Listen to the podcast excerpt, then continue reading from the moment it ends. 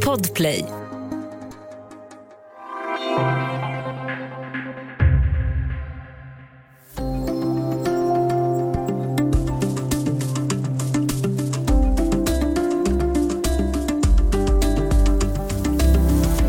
Svenska så kallade IS-kvinnorna som i måndags utvisades till Sverige väcker debatt. Men vilka skyldigheter har en nation mot sina medborgare? Och hur går hanteringen av de svenska IS-anhängare som finns kvar i Syrien? Välkommen till Studio DN med mig, Ylke Holago.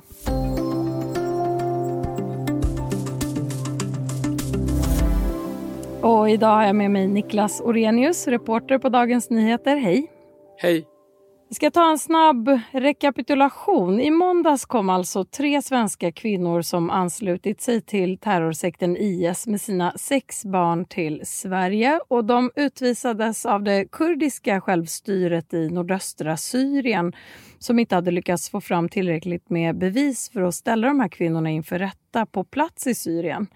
När kvinnorna landade på Arlanda så blev de förhörda och två av de tre är nu anhållna. En på sannolika skäl misstänkt och den andra skäligen misstänkt för krigsförbrytelser begångna i Syrien. Och den tredje kvinnan är förhörd men inte misstänkt för brott. Och de här tre kvinnorna hade ju då tillsammans sex barn som är omhändertagna av sociala myndigheter. Niklas, du har ju bevakat frågan om svenskar som anslutit sig till terrorsekten IS i flera år. Vad tänker du när du följer nyhetsflödet om de här tre kvinnorna som nu har utvisats till Sverige? Ja, men jag är nästan lite fascinerad av hur stort det är. Eh, att det liksom nästan live-bevakas när de landar och sådär. Att det har blivit så enormt stort. Och när det redan är över 150 som har återvänt mycket mer i det tysta så att säga eh, från IS. Att just de här kvinnorna och deras barn blir sån enorm spotlight på. Och jag, en teori som jag funderade på eh, är om det handlar liksom om någon sorts kollektivt dåligt samvete. Det är liksom ett nationellt trauma för Sverige att så många rekryterades härifrån och anslöts. Eh, så många sve unga svenska kvinnor och män anslöt sig till terrorsekten IS.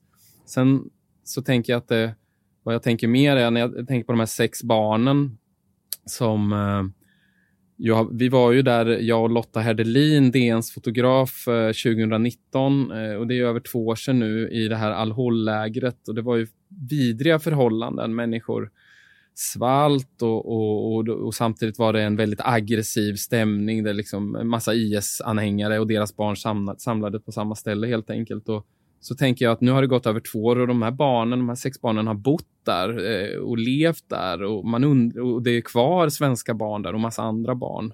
Så det, var, det, var, det är väldigt svårt att, man vill nästan slå bort de tankarna på hur i helvete har de haft det där egentligen.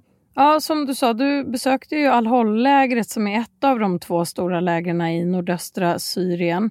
Och du var där 2019 för DNs räkning. Kan vi bara backa bandet lite? Vad är Al-Hol för någonting? Vad fyller det för funktion? Ja, men det är ju på pappret ett flyktingläger egentligen, eh, där det har bott eh, människor som har eh, med, eh, ja, som, som har blivit flyktingar eller tillfångatagits i slutet av eh, Syrienkriget. Eh, men det är ju också ett uppsamlingsläge för eh, utländska, alltså de som inte är iraker eller, eller syrier då, svenskar och andra europeer och amerikaner och tajiker och, och liksom andra eh, som, eh, och, och usbeker och andra som liksom anslöt sig utifrån till IS, så har deras, kvinnorna och deras barn har fått eh, har samlats upp liksom i, i, i jättestort, på ett jättestort fält. Eh, 11 000 tror jag att de var, de här utländska kvinnorna och barnen. Eh, och det, kurderna hade liksom inte resurser riktigt och det, de har inte riktigt en stat ens en gång där utan de, de, har ju bara ett självstyre som sagt i nordöstra Syrien och de hade inte resurser att göra mer än att bara bevaka utgångarna och, och, och lägrets kanter. Där inne rådde ju fortfarande IS-regler i princip. Att, att det, det var de här stränga eh, sedlighetslagarna. Och det fanns liksom en eh, patrull som kvinnorna eh, ordnade och, och de, de, lite större barnen där man straffade folk som inte var klädda enligt eh, islamisk lag som de uppfattade den och sådär. Så att det ja, men en fruktansvärd plats och samtidigt massor som gick omkring och utan ben och blödande armar, hade krigsskador som de inte riktigt kunde få vård för. Så jag skulle säga att det är det hemskaste ställe jag har besökt faktiskt. Under den resan så följde du de norsk-svenska skråmobarnens situation där båda föräldrarna dött i strider. Och de här barnen kom ju så småningom till Sverige och hamnade i olika fosterhem. Hur skulle du beskriva barns och kvinnors roller i IS-hierarkin?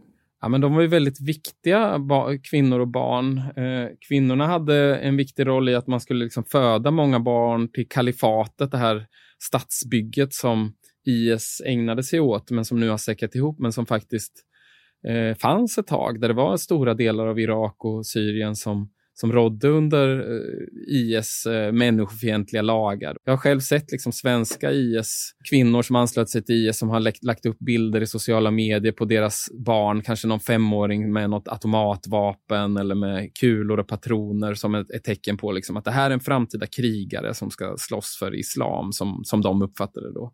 Eh, så de hade ju en väldigt viktig roll. Sen fanns det ju också kvinnliga brigader, eh, sedlighetspoliser som gick runt och straffade folk som inte var rätt klädda eller betedde sig fel enligt IS på andra sätt.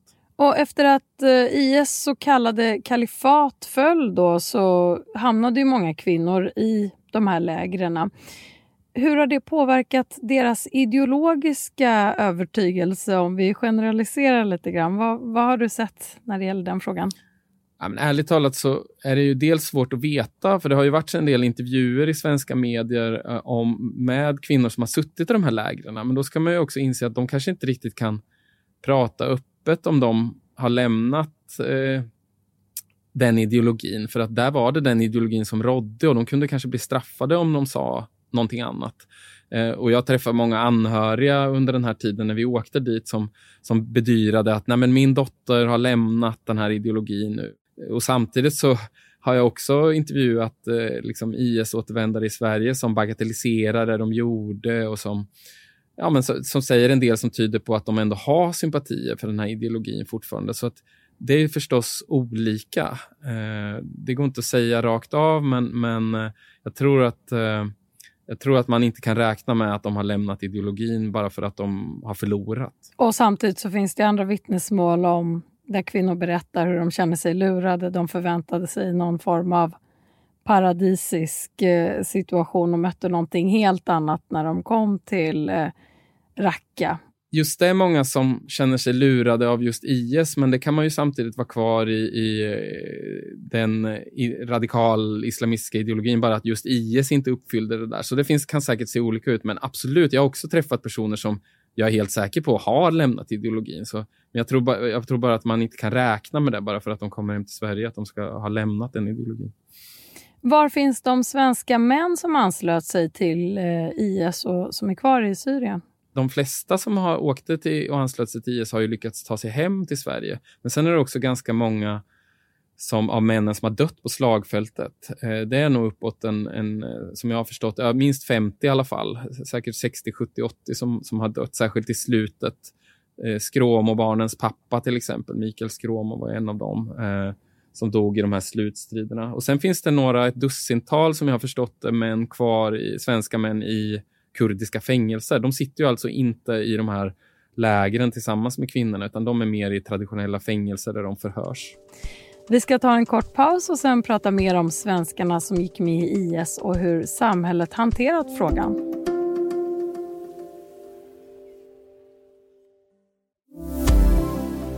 Du lyssnar på Studio DN och dagens gäst är Niklas Orenius. Niklas, omkring 300 svenskar reste ju från Sverige för att ansluta sig till terrorsekten IS och andra jihadistgrupper i Syrien omkring 2013-2014. Det här är enligt Säpo.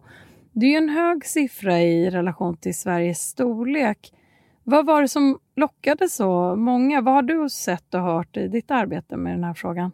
Det, det kan faktiskt vara väldigt olika individuellt, men ska ge lite exempel från Vivalla, en stadsdel utanför Örebro, eh, eller i Örebro, ska jag säga, eh, där det bor kanske drygt 7000 och där de hade ett 20-tal eh, som åkte och anslöt sig till IS eller liknande grupper, vilket är extremt tätt. Liksom. Eh, och där var det i alla fall så att många, dels så fanns det en rekryterare där, antagligen, i alla fall en misstänkt rekryterare. Det är ju ingen som har fällts för rekrytering, men vi ska, vi ska återkomma till det sen. Men det, men framförallt många av de här ungdomarna, unga killarna då, om man pratar om dem, eh, så var det ofta personer som upplevde att samhällets vägar i Sverige var stängda. De kanske hade eh, ägnat sig åt kriminalitet och, och, och, de såg liksom ingen väg in i det svenska samhället. Och sen så fanns det, och så hade de ju de här idéerna också förstås, det är ju liksom en, en förutsättning. Men så fanns det också då men, eh, predikanter och rekryterare som lovade, för det är ju också en del av IS löfte så att säga som kanske är svårt att förstå för sekulära eh, personer. Eh, att eh, man lovade egentligen highway to heaven, liksom, att man skulle ens synder blev förlåtna om man blev en krigare i islams namn. Och det där, många muslimer blir förbannade över det där, för det är så perverterad form av islam, tycker de. Många som liksom demokratiskt sinnade muslimer. Men det funkade ganska bra på, en, på vissa personer som inte tyckte att de hade så mycket förlora eller kände en alienation i Sverige och sådär. Eh, och, en del brukar tycka liksom att eh, det är lite ursäktande att prata så eh, om att eh, ja, är det det svenska samhällets fel? Nej, det är klart att det, det ligger alltid hos individen som väljer att ansluta sig till en, till en terrorsekt. Men det är ju intressant att se att det var ändå ganska många som kom från utsatta områden som hade haft ett ganska skakigt förflutet. Eh, så att eh, det, det, är nog en mängd faktorer. Sen fanns det ju andra som var liksom väldigt väl, eh, jag menar, vad ska man säga, väl integrerade eller liksom som det gick bra för i Sverige, som var bara övertygade om att det här var rätt. Och sen så var ju IS också väldigt bra på att spela på de antimuslimska stämningar som faktiskt finns i Europa, i Frankrike, i Sverige, i liksom västländer där det finns en sån stark rörelse. Och de sa ungefär att ja, men kolla de här eh, rörelserna som, som hatar muslimer växer sig starkare. Det finns ingen plats, du kommer aldrig bli accepterad som svensk. Kom istället till att bygga kalifatet i, i Syrien. Vi har något, något fantastiskt på gång där vi försvarar muslimer. Sen, sen vet jag att liksom bland de här som är kvar, de kvinnorna, så var det en hel del väldigt, väldigt unga kvinnor som kom från familjer med rötter i Somalia, från norra Stockholm. Och, och vad jag har förstått eh, så eh, jag har pratat med flera som har an, kontakt med anhöriga och även pratat med anhöriga till dem. Det var ofta tjejer som var väldigt hårt hållna hemma eh, och inte fick eh, göra så mycket utanför hemmet när de, när de liksom blev, eh, kom upp i tonåren. Och då blev det nästan som en frihets eh, grej för dem att gifta sig med en, en manlig jihadist och sticka till Syrien. Så har jag liksom fått det beskrivet av andra somalier där. Och det är liksom lite paradoxalt att ansluta sig till en sån förtryckande terrorsekt för att få frihet. Och jag tror man ska, man ska inte tro att de inte visste vad IS var eller så. Det är inte heller ursäktande, men jag tror att man att det finns en sån dynamik i vissa fall. Så sammanfattningsvis, det kunde se väldigt, väldigt olika ut. Komplicerat helt enkelt. Ja, men det är viktigt att veta som sagt att det, det, det, är komplicerat och det finns en, en rad olika grupper och typer som, som anslöt sig till IS. Det finns inte minst eh, ett antal konvertiter eh, som eh, inte föddes in i muslimska familjer utan har liksom konverterat till islam och så blivit väldigt, väldigt radikala. Eh, det var ju fallet till exempel med skråmobarnens båda föräldrar. Så att eh, det kan se olika ut sammanfattningsvis. Och hur har tongångarna i den radikala islamistiska miljön i Sverige förändrats under de här senaste åren sedan eh, IS har, har fallit och mycket har förändrats? Ja, men framförallt så har man ju tvingats till att hålla en mycket lägre profil. Det var mycket lättare helt enkelt att vara en antidemokratisk, radikal, salafistisk eh, predikant eller influencer i Sverige för en åtta, tio år sedan än vad det är idag. Eh, vi har ju sett det nu i år så är det ju en av de mest tongivna, tongivande salafisterna, salafistiska predikanterna, Anas Khalifa, som har varit verksam länge, eh, som har hoppat av helt enkelt och tagit avstånd från eh, det han sysslade med förut. Och han har ju varit en ganska viktig predikant eller man kan också säga influencer för att han spred sitt budskap i, i sociala medier och var väldigt duktig på det och nå ungdomar och sådär. Och, och eh, jag tror att man ska se det liksom som att, som att samhället har, svenska samhället är lite bättre på att identifiera hot mot demokratin helt enkelt. Eh, samtidigt så ska man också komma ihåg att det finns kvar eh, väldigt många övertygade radikala salafister. Säpo eh, räknar väl med att det finns ett 2000, eh, säger de, eh, som är våldsbejakande eller sympatiserar med liksom, den våldsbejakande islamistiska miljön. Så att det är fortsatt ett hot, men att man tvingas hålla lite lägre profil och att det är jobbigare att vara salafist idag. Så här, med några års eh, perspektiv, hur hanterade samhället frågan om svenskar som anslöt sig till IS?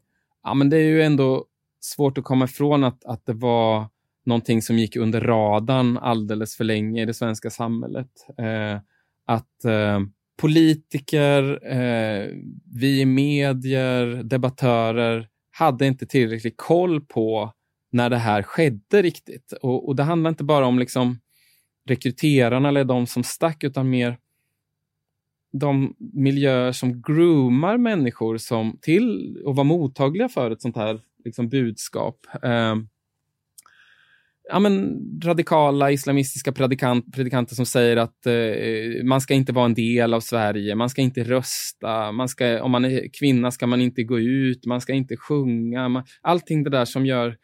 De, de, de behöver inte nödvändigtvis vara IS-sympatisörer, det allra, allra värsta, liksom. men, men det är ändå ett budskap som ligger eh, som passar som hand i handske Eh, alltså med ett groomande budskap för, eh, och e egentligen också ett antidemokratiskt budskap i många, många fall, liksom, som, som gjorde att människor blev mottagliga för IS budskap. Och, och jag, jag, tycker att vi som helhet, och det vill jag inte ensam om att tycka, liksom, att, att samhället inte riktigt hade koll på det här.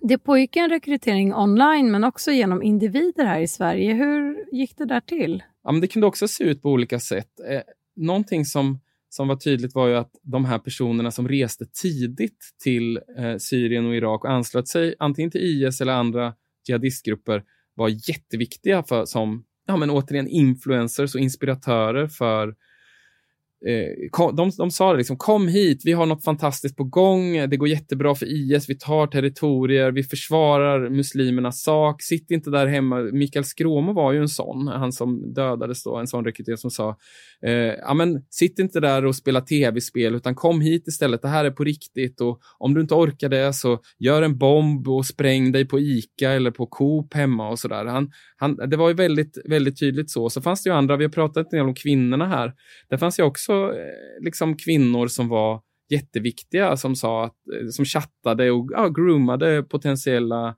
unga kvinnor som, som skulle komma ner och vara flera också reste ner då från Sverige. Så att just de där som faktiskt, de tidiga resenärerna var viktiga. Men sen var det också så att det satt en terrorrekryterare eller en misstänkt terrorrekryterare häktad eh, 2015. Säpo gick ut hårt och, och, och sa att eh, Eh, nu har vi gripit en här och det var just i, i Örebro. Eh, därför där visste man att det hade pågått rekrytering. Det var många från Örebro och Eskilstuna och man visste vissa ställen där de träffades. Och så.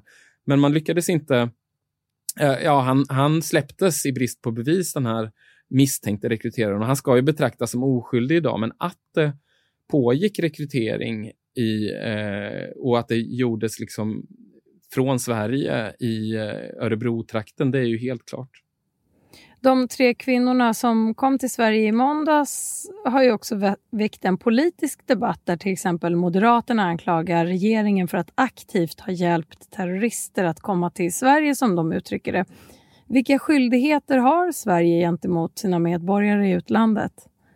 Ja, det där är en fråga som inte är helt lätt att svara på, som alltid dyker upp, i, inte bara med IS utan i samband med naturkatastrofer. Hur, vilka svenskar ska man hjälpa hem och sådär. Men jag tycker att, eh, jag vill gärna föra tillbaka diskussionen till barnen där. Att det, det, det är nästan som de glöms bort nu. Det är väldigt fo mycket fokus på de vuxna i IS, men det är ju fort, extremt många barn som fort, och också en hel del barn som är kvar där i, i de här vidriga förhållandena, som, in, som är svenska medborgare, som inte har gjort någonting, som måste betraktas som helt oskyldiga, som inte har gjort någonting för att få, få leva i det helvete som de faktiskt lever i. Inte minst för att det, det är liksom en radikal islamistisk eh, människofientlig miljö.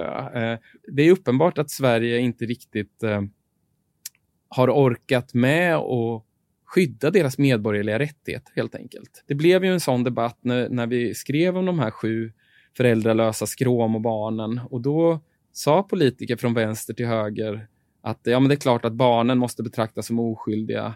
Men nu så se, sen så dog det där ut och sen så fick alla andra barn stanna kvar bara för att de hade ju sina mödrar, de bodde med sina mödrar och då blev det plötsligt mer komplicerat. Eh, så att, eh, ja, jag tycker det, måste säga att jag tycker det är lite otäckt och, och, också att, att den här hetsen börjar spela över mot de här barnen. Man kan se liksom i sociala medier hur de kalla, kallas för liksom terrorbarn och annat. Och, och, och jag tycker att det, det, faktiskt sätter frågan om medborgerliga rättigheter på sin spets eh, och vi borde prata mer om det.